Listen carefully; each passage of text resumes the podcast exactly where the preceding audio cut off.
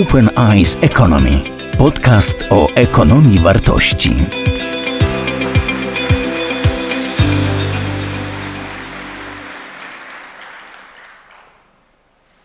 Ale do rzeczy. Temat wiodący naszego kongresu to poszukiwanie wiarygodności. Dobrze jest wiedzieć wobec tego, czego poszukujemy.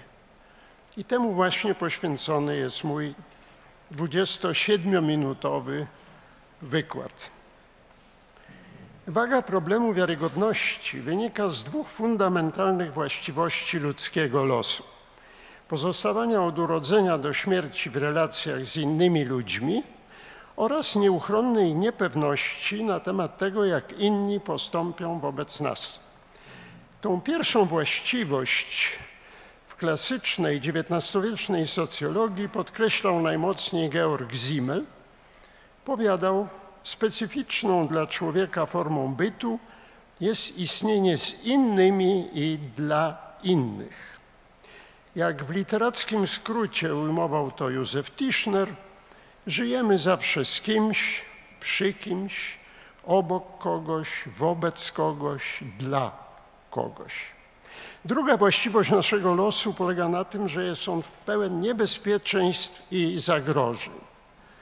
Już w XVII wieku Thomas Hobbes pisał w Lewiatanie: Życie człowieka jest samotne, biedne, parszywe, brutalne i krótkie. A współcześnie poetycko ujmuje to Zbigniew Herbert. W domu zawsze bezpiecznie, ale zaraz za progiem, gdy rankiem pan Kogito wychodzi na spacer, napotyka przepaść, dni bezdenne, dni budzące grozę. Wielkie znaczenie mają zagrożenia społeczne, płynące od innych ludzi, z którymi zdarza się nam nawiązać niefortunne relacje. Niewierni małżonkowie, nielojalni przyjaciele, zazdrośni koledzy, despotyczni szefowie, bezduszni urzędnicy, skorumpowani politycy. Podejmując jakiekolwiek relacje z innymi, narażamy się na ryzyko. Jest ono największe, gdy nawiązujemy z nieznajomymi, o których nie wiemy nic, a najmniejsze, gdy nawiązujemy z osobami bliskimi, gdy relacje mają charakter intymny i długotrwały. Choć i tutaj nie możemy całkowicie pozbyć się ryzyka, o czym świadczy to, że prawie połowa małżeństw kończy się rozwodem. Wspólnym mianownikiem tych cech partnera, które zmniejszają ryzyko relacji i które usiłujemy rozpoznać, nawiązując relacje, jest właśnie wiarygodność. Wiarygodność, czyli postrzegana gotowość i zdolność partnera do zrealizowania naszych oczekiwań i wywiązania się z podjętych wobec nas zobowiązań. Gotowość i zdolność partnera do tego, aby postąpić wobec nas właściwie. Wiarygodność to druga strona, to jakby rewers taki zaufania. Przypisanie komuś wiarygodności to tyle, co udzielenie mu zaufania. A udzielenie zaufania, no to tyle, co oczekiwanie wiarygodności.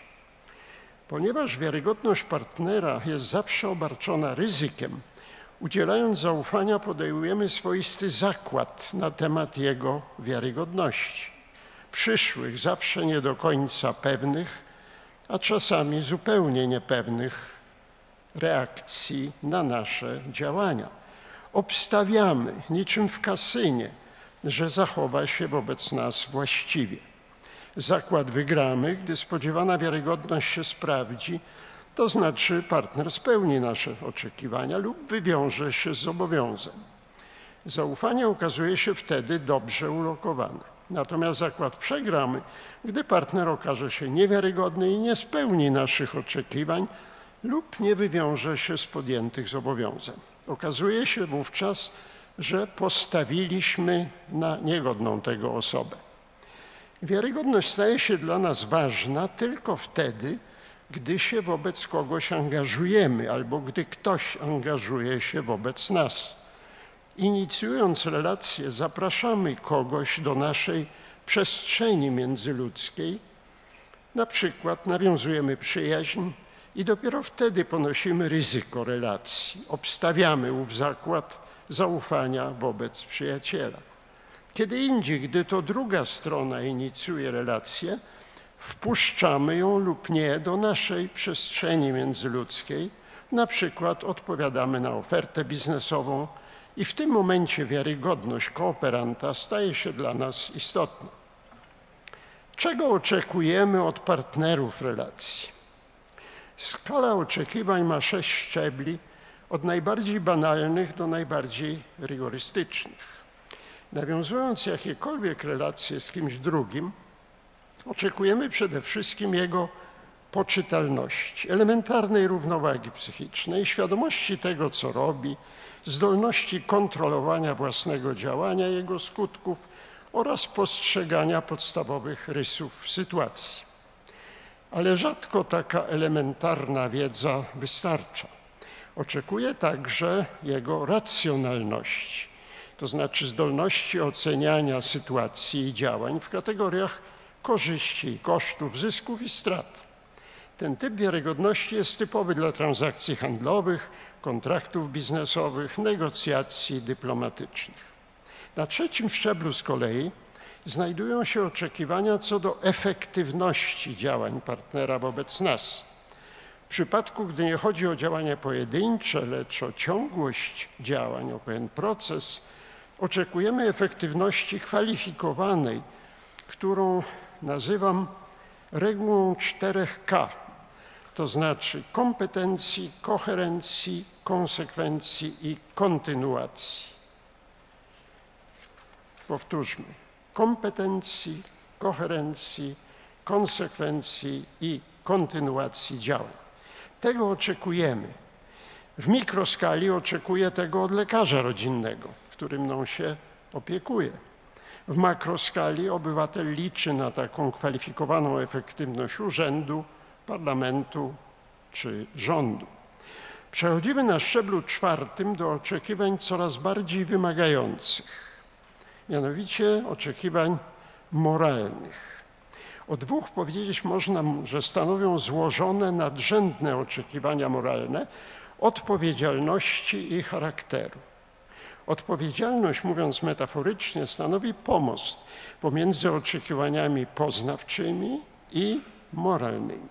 Oznacza bowiem po pierwsze pozyskanie możliwie najpełniejszej dostępnej w danym czasie wiedzy i oparcie na niej przewidywań co do skutków własnych działań. A po drugie, w aspekcie moralnym, dbanie o to, aby przewidywane skutki były dla innych pożyteczne, korzystne, a przynajmniej nie krzywdzące. Odpowiedzialność to zatem rozumne i etyczne działanie wobec innych ludzi. Charakter natomiast oznacza spójność i konsekwencje działań podejmowanych w ciągu życia, postępowania kierującego się honorem, integralnością moralną, kręgosłupem moralnym, jak mówimy w przenosi. Jeszcze bardziej wymagający charakter mają oczekiwania piątego szczebla. Określimy je za Tadeuszem Koterbińskim jako wymóg spolegliwości lub potocznie opiekuńczości. Chodzi tu o takie działania partnera, których główną treścią jest współczucie, zainteresowanie problemami drugiego, pomoc bezinteresowna potrzebującemu, przejęcie się jego problemami, opieka nad słabszymi. Niejako z definicji oczekiwania takie pojawiają się w przypadku relacji rodzinnych czy przyjacielskich.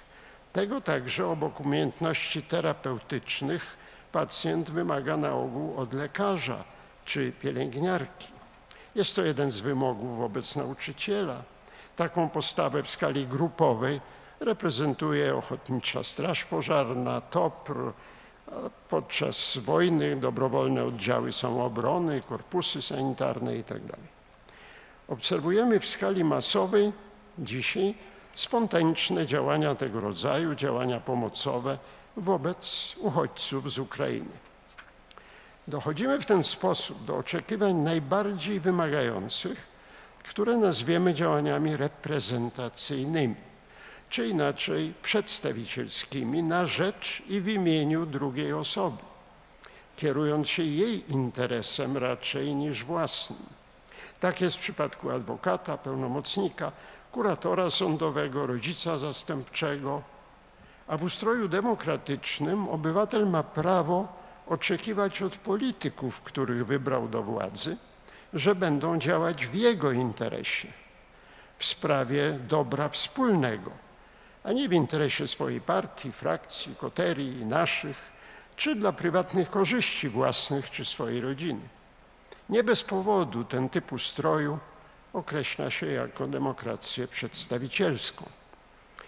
Obok różnych odmian wiarygodności, jakie napotykamy w życiu codziennym, ogromne znaczenie ma wiarygodność władzy. Władza państwowa to dla obywateli abstrakcja. Konkretyzuje się w postaci osób pełniących funkcje państwowe, polityków i urzędników. Stykamy się z nimi przeważnie pośrednio, poprzez media. Zaglądają nam codziennie do domu poprzez okienko telewizyjne, czytamy o nich w gazetach, patrzymy co robią, słuchamy co mówią, jak wyglądają, jak traktują siebie nawzajem i wyciągamy wnioski. Bezpośrednio natomiast stykamy się z agentami władzy na tych swoistych granicach kontaktu państwa z obywatelem, z urzędnikiem, policjantem, komornikiem, prokuratorem.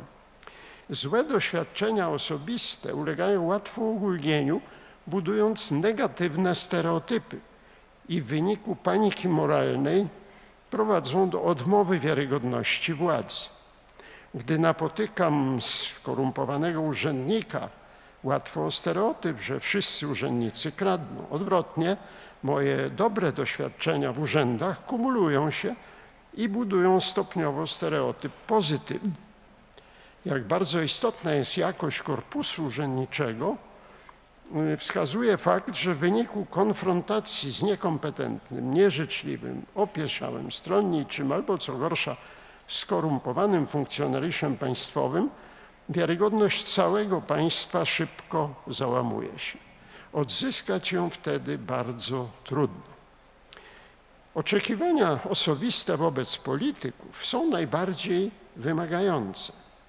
Dotyczą ich wszystkie wymienione wcześniej szczeble na skali wiarygodności. Poczynając od najbardziej wydawałoby się trywialnego wymagania poczytalności. Ale jeżeli jednak zdarzają się z trybuny sejmowej wypowiedzi wskazujące na chwilową niepoczytalność, rzutuje to również na opinię o całym parlamencie.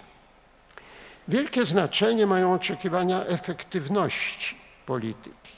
Najpierw więc oczekiwanie racjonalności, co w obszarze gospodarki oznacza kierowanie się precyzyjnym rachunkiem ekonomicznym, a w obszarze stosunków międzynarodowych uwzględnianie w relacjach z innymi państwami tej właściwej proporcji między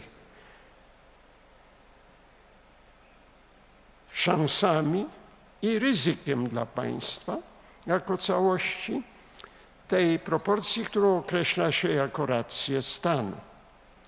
Efektywność w tych i wszystkich innych obszarach decyzji oznacza także respektowanie reguły 4K kompetencji, koherencji, konsekwencji i kontynuacji. Nie ma nic gorszego dla wiarygodności rządu, gdy ministrowie powołani według klucza partyjnego, niekiedy wierni, ale mierni, okazują publicznie swoją niekompetencję. Podobnie ogromnie waży na wiarygodności władzy niespójność legislacji, nadmiar nieraz wzajemnie sprzecznych regulacji, wydawanie rozporządzeń niemożliwych do wyegzekwowania. Nie ma nic gorszego dla respektowania prawa przez obywateli niż prawo puste, bezsilne, niemożliwe do zrealizowania, do wyegzekwowania. Fatalne wrażenie robi wycofywanie się z ogłoszonych wcześniej z wielką pompą programów. Razi nieodpowiedzialność, czyli ignorowanie w decyzjach rzetelnej wiedzy eksperckiej. Na kolejnym szczeblu oczekiwań są wymagania moralne. Wielką rolę odgrywa tu odpowiedzialność za słowo i prawdomówność przedstawicieli władzy. A obok tego działanie fair, czyli zgodny ze społecznym poczuciem sprawiedliwości rozdział przywilejów, na przykład świadczeń socjalnych i obciążeń, na przykład podatkowych.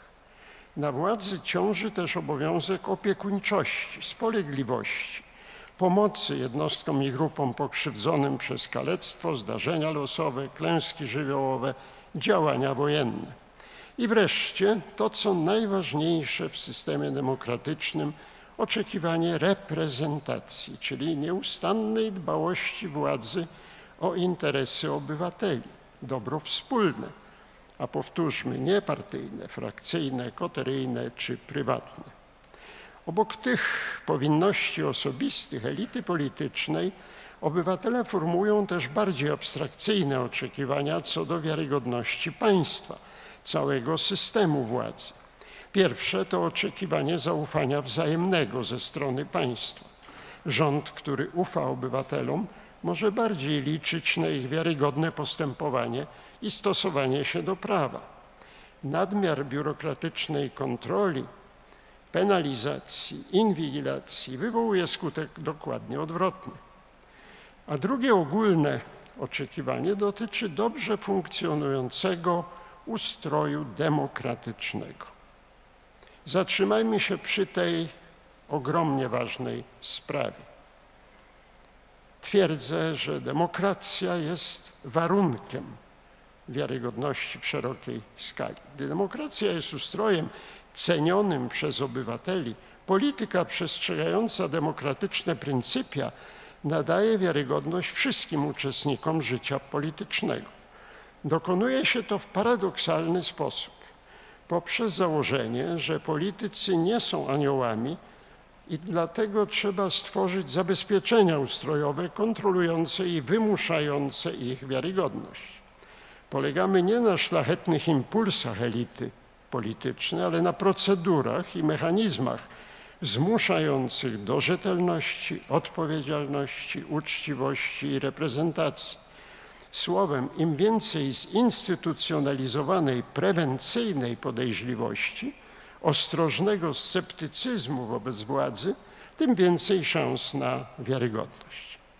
Służy temu kilka fundamentalnych zasad ustroju demokratycznego są Państwu z pewnością dobrze znane, ale jakoś warto je ciągle, nieustannie przypominać. Pierwsza zasada to podział władz, w którym zakłada się istnienie mechanizmów gwarantujących zachowanie równowagi politycznej oraz ograniczenie arbitralności instytucji.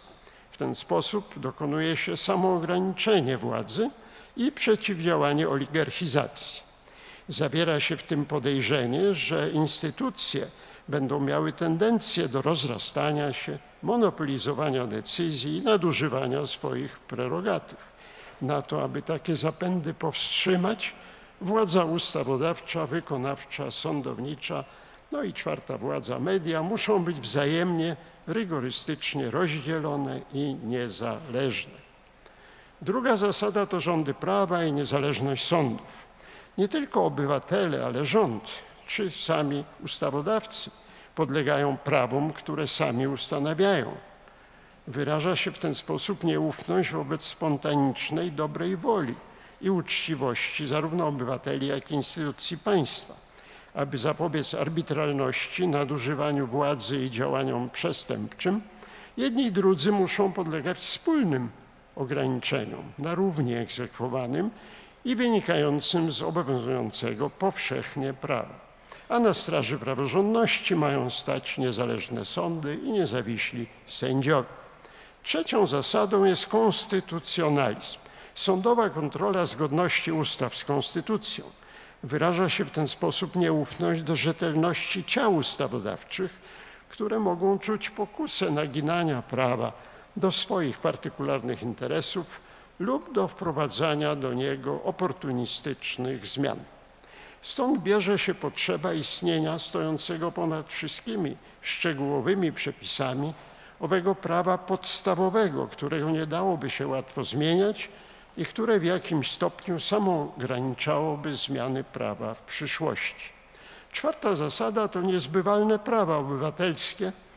Wyrażał na nieufność wobec spontanicznej, dobrej woli władzy w kierowaniu się dobrem ogółu, w zaspokajaniu interesów obywateli. Muszą więc być dla obywateli dostępne instrumenty domagania się swoich racji. Mają to zapewnić zapisane w Konstytucji gwarancje praw obywatelskich, instytucja Rzecznika Praw Obywatelskich, a w niektórych państwach możliwość bezpośrednich pozwów konstytucyjnych przeciwko państwu. U nas w Unii Europejskiej skargi na własne państwo, o ile naruszyło ono prawa obywatelskie, mogą być, jak wiadomo, kierowane do Trybunału Praw Człowieka w Strasburgu. Piąta zasada to swoboda wypowiedzi, wolność słowa jako środek dochodzenia do prawdy, kompromisu czy konsensu. Nie można ufać ani ludziom, ani instytucjom, że będą zawsze prawdomówni, otwarci na argumenty, tolerancyjni wobec poglądów odmiennych od własnych. Muszą więc istnieć gwarancje instytucjonalne i prawne, które będą przeciwdziałać publicznym kłamstwom, zakusom cenzorskim, indokrynacji, dogmatyzmowi lub zwyczajnym oszustwom. Istnienie pluralistycznych mediów i ochrona ich autonomii stanowi zabezpieczenie przed nadużyciami władzy dyskryminacją i uprzedzeniami. Szóstą i w moim katalogu ostatnią zasadą jest samorządność.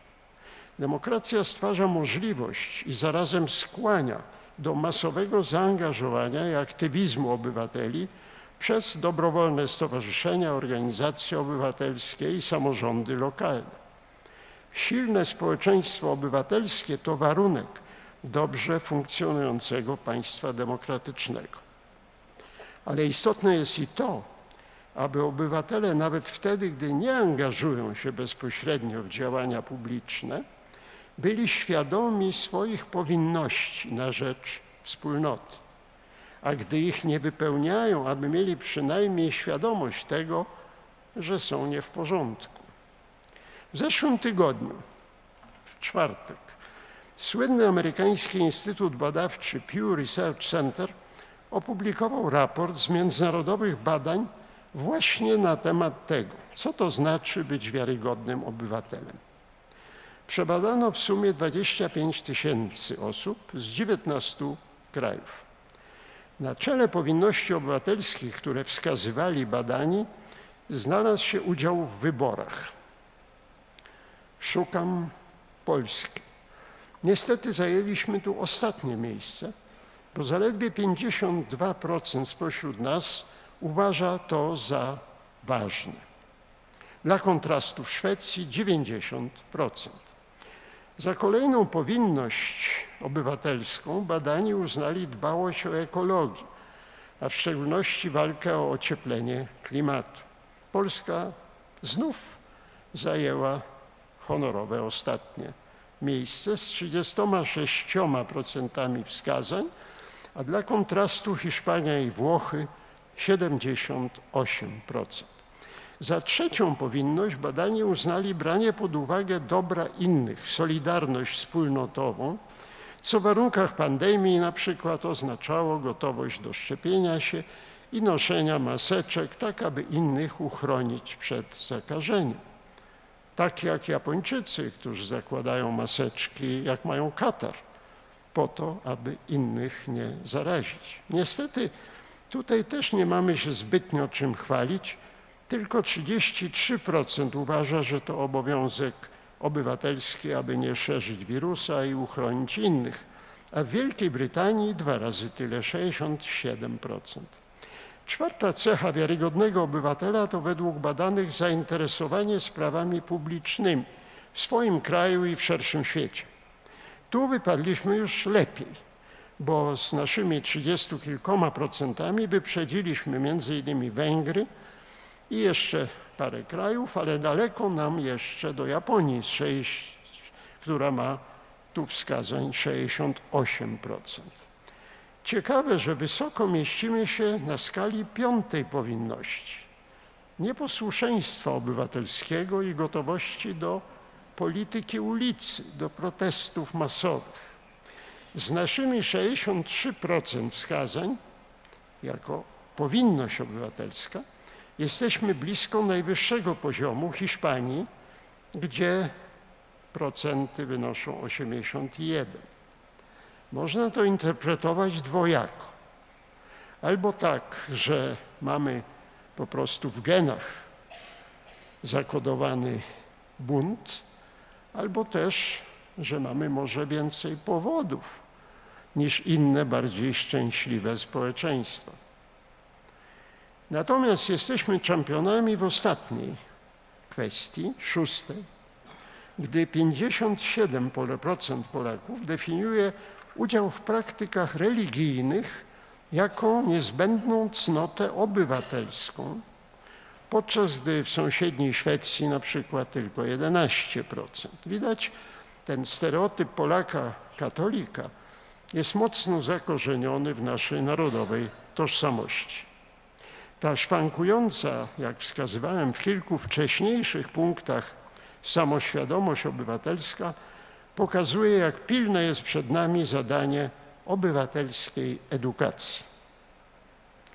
W tej końcowej części wykładu przypomniałem sześć zasad państwa społeczeństwa demokratycznego, podziału władzy, rządów prawa, konstytucjonalizmu, niezbywalnych praw obywatelskich, wolności słowa, samorządności, samoświadomości obywatelskiej. Zasady tworzą te pewien model, model typ idealny ładu społecznego i politycznego, który realizowany bywa w różnym stopniu. Gdy rzeczywistość polityczna przybliża się do tego ideału, wiarygodność władzy jest wysoka. Naruszanie zasad demokratycznych prowadzi natomiast prostą drogą do utraty przez władzę wiarygodności. Powiecie Państwo, rozglądając się dookoła, że to wszystko utopia. Ale utopia pełni ogromną rolę jako drogowskaz. Drogowskaz marzeń, dążeń i walki. Wielki XIX-wieczny mistrz mojej dyscypliny, socjologii, Max Weber, napisał kiedyś, gdyby Krzysztof Kolumb nie próbował dotrzeć do Indii drogą morską, płynąc na zachód, nie odkryłby Ameryki. Wiarygodny ustrój demokratyczny nie jest dany raz na zawsze. To nieustanne zadanie i wyzwanie.